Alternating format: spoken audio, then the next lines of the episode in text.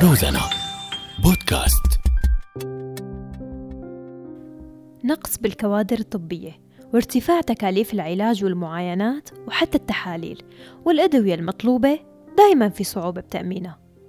هاد جزء من معاناة أهالي مدن الجزيرة السورية. بحلقة اليوم رح نحكي عن الواقع الطبي بالمنطقة وعن بعض المبادرات بهالمجال ونشوف هل ممكن تشكل حلول حقيقية على أرض الواقع؟ أنا أسمع وهي الحلقة من إعداد نور الأحمد والمكساج لعقبة خليفة.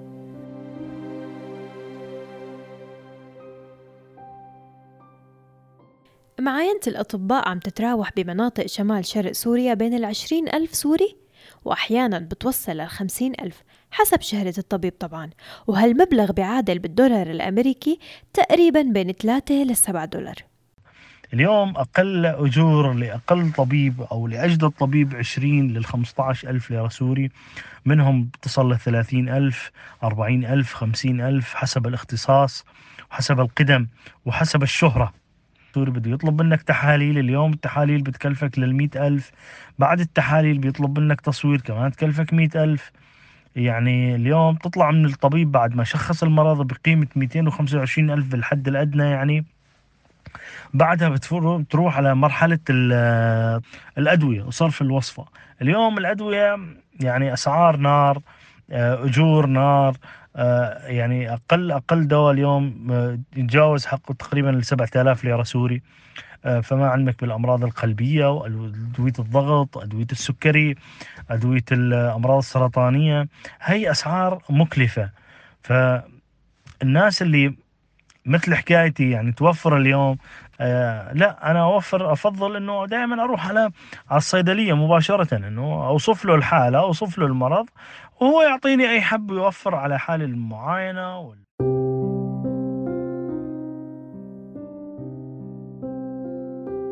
نسرين عم تضطر تدفع زيادة فوق المعاينة كرمال ما يروح دورها واللي عم يزيد التكاليف أكثر الصيدليات والمخابر الغالية المتعاقدة مع نفس الطبيب. أنا عندي بنتي عندها قصر قامة عم عالجة لازم فحص ومعاينات وتحاليل إنه إنه في مرض في سبب في خلل. كل أربع شهور في عندي معاينة وحق المعاينة خمسة وعشرين ألف. وبدفع كمان زيادة مشان ما يروح علي الدور. لسه ما فتت لعنده. آه، بدي فلان تحاليل وتلا تحاليل وتحاليل. وحصرا لازم تعمل مثلا بمخبر الفلاني. طبعا بدي روح على التحاليل كمان. أقل شي أقل شي مية وعشرين ألف. بيكتب لي يمكن شي آه ست أدوية ست نوع أدوية. وكمان حصرا بدك تروحي على الصيدلية الفلانية. وحق الدواء الفيتامينات يعني أقل شي كمان مية وعشرين ألف. في منهم شراب بيخلص بعشرة أيام وفي عشرين يوم وفي خمسة وعشرين يوم. وتعي الحقي. وطبعا يعني أنا كأم خايفة على بنتي يعني يعني إجباري إني أروح وأفحصها وأعالجها كمان.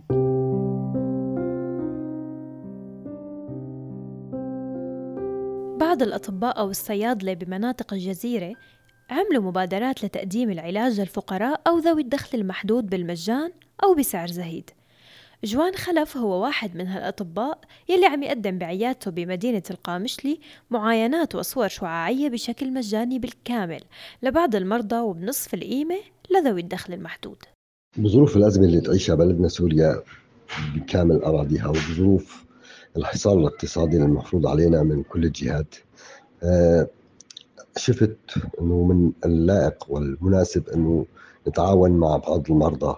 هناك شريحة واسعة فقيرة لا تستطيع أن تؤمن تكاليف العلاج والتشخيص والدواء.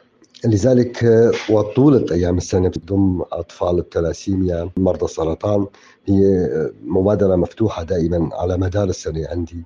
أنا شخصيا وعند أغلب الزملاء يعني يراعون الفقير. طبعا وهناك جزء الأهم من المبادرة هو أنه أي مريض لا يستطيع أن يدفع تكاليف التصوير الشعاعي اللي آه، يقدر يستأذن الممرضة ويتفضل لعندي ويكون أكيد ما راح اقصر معه يعني. فأغلب الناس أظن إنه ما, ما راح يتوانوا عن مساعدة شخص آه، بهالحالة.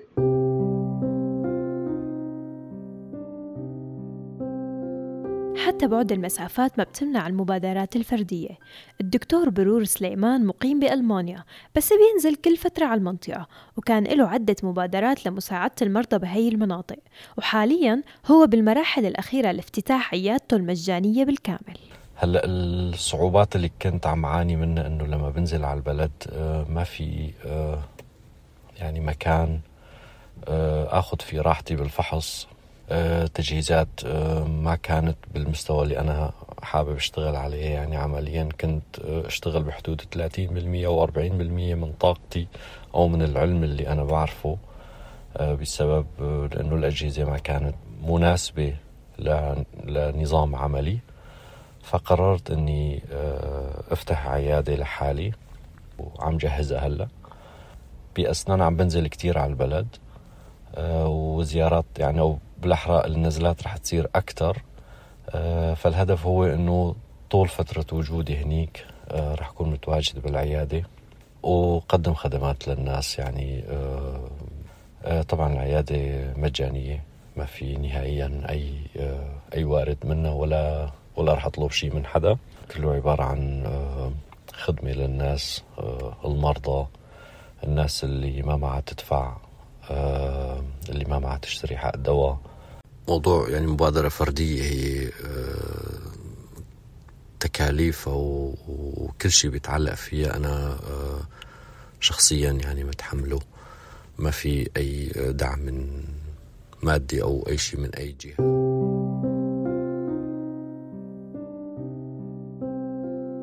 بالإضافة للمبادرات الفردية منظمات المجتمع المدني حاولت تغطي جزء من الخدمات الطبية للناس يلي ما عندهم القدرة المادية. مناف الأسعد رح يحكي لنا عن تغطية منظمة بيت المواطنة بمدينة الرقة يلي بيشتغل فيها ويلي اهتمت بالمجال الصحي. آه، المبادرة الأولى كانت آه، تهدف إلى تعزيز وتحسين الواقع الصحي والطبي وكانت بعنوان صيدليتنا. هي عبارة عن إنشاء صيدلية يستفيد منها آه، شريحة معينة من المجتمع آه، بالتعاون مع آه، العديد من شركات الأدوية والعديد من الأطباء والصيادلة اللي موجودين. يستفيد من الصيدلية شريحتين الشريحة الأولى هي الأكثر فقرا ويتم توزيع الأدوية لهم بشكل مجاني. والشريحة الثانية هي الأقل فقرا من الشريحة الأولى ويتم توزيع الأدوية بأسعار رمزية.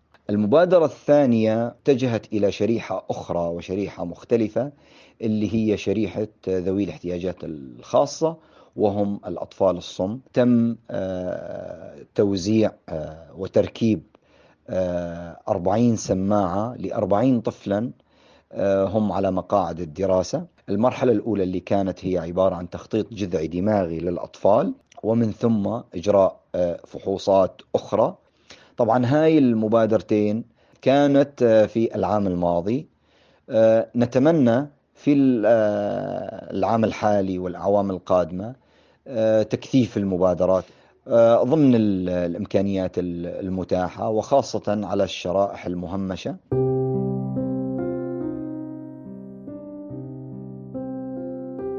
من خلال جمع التبرعات كمان عم يحاولوا بعض الشباب تغطية تكاليف العلاج لعدد كبير من الأهالي غير المقتدرين.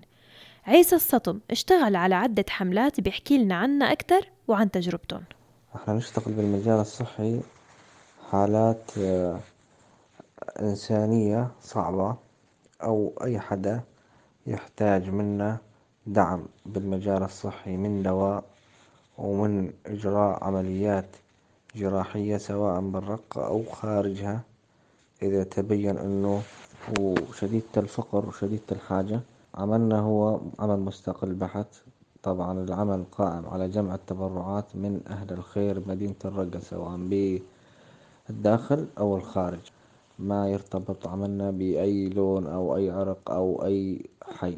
العمل غطينا ما يقارب من بداية عملنا إلى الآن ما يقارب ألف وستمائة حالة يعني أربع سنوات صار نشتغل عندنا أسر أرامل عندنا أيتام عندنا أسر خارجة من مخيم الهول. أيضا هاي الفئة إحنا نستهدفها ببعض الأمور.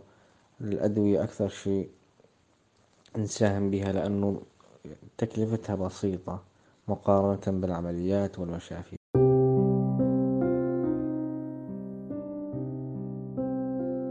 العمل الخيري عم يلعب دور جيد بتحسين الواقع الطبي بالمنطقة. هيك كان رأي المحامي زكي حسي وهو أحد أفراد مجموعة من المبادرات الشبابية بالحسكة والقامشلي. في عدة آه، نشاطات آه، يعني خيرية آه، تطوعية مجانا بمدينة قامشلي في رابطة عفرين الاجتماعية. أنا بعرف أنه في عدة آه، دكاترة يتعامل معهم لحساب الرابطة مجانا يعالجوا أهالي آه، نازحين من مدينة عفرين. في بعض الدكاترة اشتغلوا مجانا. دكتور جوان حمي هو ودكتورة مروة اختصاصية نسائية اشتغلت بداية النزوح يعني أول سنة نزوح سنة كاملة مجانا لأهالي سريكانية بالنسبة لمبادرتنا هي مبادرة شخصية يعني أحد الخيرين آه، خارج قطر يعني هلا آه، عم بيبعث آه، شهرية مبلغ معين بس نحن متعاقدين مع خمسة أطباء في مدينة قامشلي اختصاصات مختلفة. هالدكاترة هدول إنه يعالجوا أهالي سريكانية نازحين يعني اللي ساكنين بمدينة قامشلي مجانا أو بأجور منخفضة. طبعا معاينة زائد قيمة الوصفة.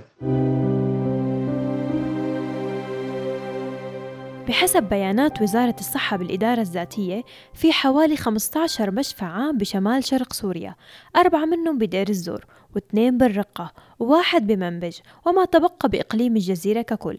أما المشافي الخاصة بالمنطقة فعددها أكبر بكثير من المشافي العامة. بالإضافة للمستوصفات الطبية العامة المنتشرة بالمدن والبلدات اللي بتختصر فعاليتها على المعاينات والإسعافات الأولية البسيطة وبعضها أيضا غير فعال ولا حتى عم يشتغل بالوقت الحالي. وبحسب البيانات المحصول عليها من قبل وزارة الصحة بالإدارة الذاتية كمان منلاقي أنه ما يعادل نصف الخدمات الصحية من إدارة المشافي والمستوصفات والنقاط الطبية بتقوم فيها منظمات دولية أو محلية بما يعادل 40 ل 45% من مجمل المرافق الصحية. أيضا تقارير الأمم المتحدة بتقول أنه حوالي المليونين نسمة بحاجة لمساعدات إنسانية من ضمن المساعدات الصحية بمختلف جوانبها الجسدية والنفسية بمناطق شمال شرق سوريا. وبحسب دراسة أنفية مركز آسو للاستشارات والدراسات الاستراتيجية حول واقع القطاع الصحي شمال شرق سوريا أشارت المعطيات لافتقار وتدهور المنظومة الصحية المتمثلة بالمرافق الصحية والكوادر الطبية وأيضا الأجهزة والمواد الطبية وعجز عن استيعاب الأعداد الكبيرة من المرضى وتقديم الرعاية الصحية لهم عن نحو المطلوب. وهالشي بظل انتشار الأوبئة واللي عم تعانيه المنطقة من صراعات وحروب من سنوات. والدمار اللي أيضا لحق بالبنى التحتية واللي انعكس سلبا على القطاعات الخدمية بالإضافة لانتشار كورونا بمناطق الإدارة الذاتية.